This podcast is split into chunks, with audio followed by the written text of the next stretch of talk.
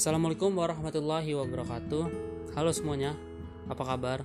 Semoga selalu baik-baik saja dan selalu sehat dan selalu diberikan kesehatan gitu. Apalagi dalam masa pandemi ini, kita harus menjaga kesehatan dan daya tahan imun kita. Dan untuk teman-teman yang sedang berjuang di untuk melawan COVID-19, semoga diberi kesehatan secepat mungkin. Oke, sebelum melanjutkan, perkenalkan saya Pandirawan Abdullah dari Pendidikan Bisnis Universitas Negeri Jakarta. Di sini saya akan membagi hal gitu kan, apa yang harus saya lakukan gitu ketika ada murid atau peserta didik gitu kan dalam jurusan bisnis dan marketing mempunyai karakteristik yang unik. Dia cenderung tidak memperhatikan dalam materi yang kita sampaikan uh, tetapi setiap ujian itu dia mendapatkan nilai yang bagus gitu. Di sini saya akan mempatokkan diri terhadap 9 event dalam pelajaran menurut Ganjang gitu. Sebagai calon pendidik gitu kan nah di sini ada studi kasus yaitu pertama ada gain attention di mana memberikan perhatian gitu memberikan perhatian sebelum memulai pembelajaran. Di sini saya akan melakukan cerita-cerita pengalaman gitu pengalaman-pengalaman games atau ice breaking gitu yang berhubungan dengan materi pembelajaran gitu. Jadi eh, siswa juga akan menarik atau akan memperhatikan gitu karena pengalaman-pengalaman ini tentang ke depannya nanti atau dunia kerja gimana gitu. Yang kedua ada inform learner of objective di mana berikan tujuan pembelajaran. Nah di sini saya akan menghubungkan tujuan pembelajaran itu dengan apa aja sih manfaat-manfaat dengan belajarnya ini gitu selain tujuannya yang harus tercapai jadi manfaatnya ini apa untuk dunia nyata atau dunia kehidupan sehari-hari? Atau bisa jadi dengan dunia kerja itu dunia kerja agar siswa tuh dapat memperhatikan atau termotivasi dalam belajar. Yang ketiga ada prior learning di mana mengkaitkan materi pembelajaran hari ini dengan materi pembelajaran yang akan datang atau mungkin materi sebelumnya. Saya akan mungkin saya akan menceritakan gitu bahwa materi ini dipelajari akan memudahkan siswa dengan materi yang akan dipelajari selanjutnya gitu. Jadi dengan begitu siswa akan menimbulkan semangat belajar uh, apa dia berpikir gitu bahwa oh bagus nih materi yang disampaikan akan memudahkan kita dalam materi selanjutnya. Yang keempat ada present content di mana menjelaskan materi pembelajaran gitu. Nah, di sini saya akan menjelaskan materi pembelajaran yang simple dan dapat dipahami dengan baik menggunakan uh, sedikit pengalaman-pengalaman gitu atau contoh yang nyata dalam dunia nyata yang sering terjadi gitu.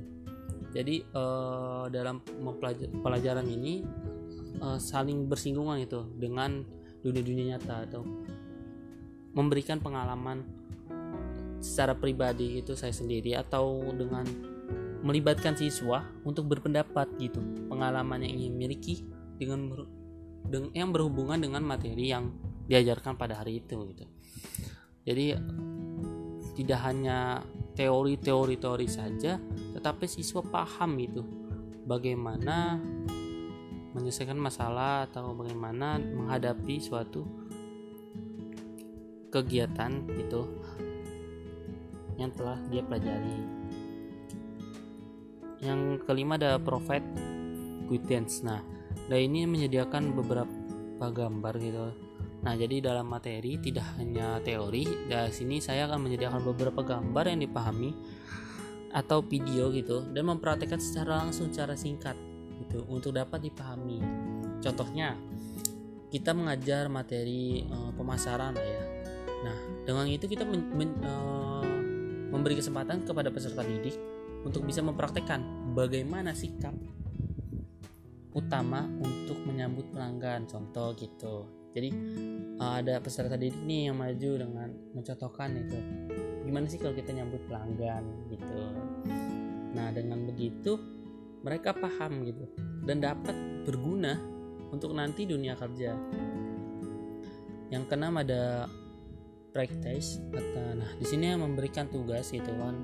Nah saya sendiri pribadi uh, akan memberikan tugas berupa studi kasus gitu yang sering terjadi dengan begitu siswa akan berpikir dan juga dapat bekerja sama dengan tim atau kelompoknya dalam menyelesaikan tugas tersebut. Nah, dengan begitu juga siswa akan terbiasa untuk melakukan bekerja sama dalam dunia nyata atau dunia kerja nanti. Selain itu, saya juga akan menyediakan latihan-latihan yang menarik dengan menggunakan quizzes, kahot, mentimeter, dan lain sebagainya yang dapat melatih daya pikir dan daya ingat siswa. Jadi selanjutnya ada provide feedback. Nah di sini selain itu saya akan memberikan feedback gitu, memberikan feedback dengan tugas yang dikasih dan memberikan masukan atau solusi jika dibutuhkan.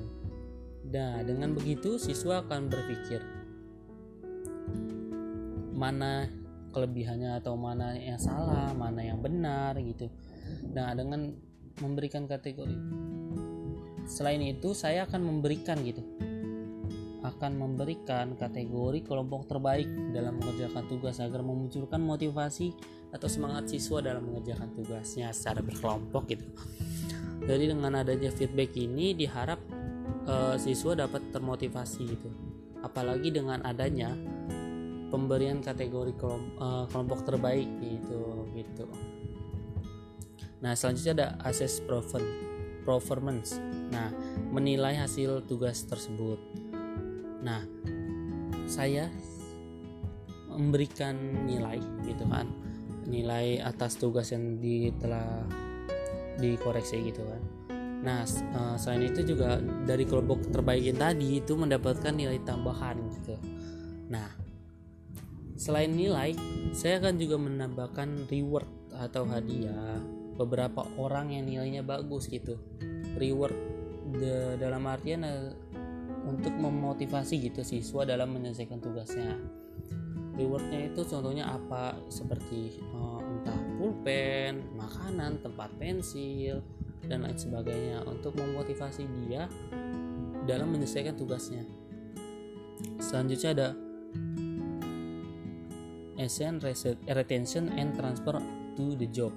Nah seperti yang saya sampaikan tadi bahwa dalam pembelajaran ini saya dikaitkan dengan pengalaman kehidupan nyata sehari-hari atau dunia kerja yang akan memudahkan siswa dalam melakukan suatu kegiatan di luar yaitu dunia nyata atau dunia kerja. Jadi dalam pembelajaran yang saya lakukan ini tentu akan terus berkaitan gitu atau cerita-cerita pengalaman-pengalaman di luar sana menghadapinya gimana. Selain itu selain saya yang memberikan pengalaman saya saya juga akan memberikan kesempatan siswa untuk menceritakan pengalamannya gitu. Agar menjadi suatu pembelajaran yang baik untuk ke depannya nanti. Terutama untuk siswanya gitu. Ya oh, itu 9 event dalam pembelajaran menurut Ganya dengan kategori yang tadi untuk menarik perhatian peserta didik. Nah, cukup sekian podcast kali ini. Kurang lebihnya mohon maaf. Saya pamit undur diri. Wassalamualaikum warahmatullahi wabarakatuh.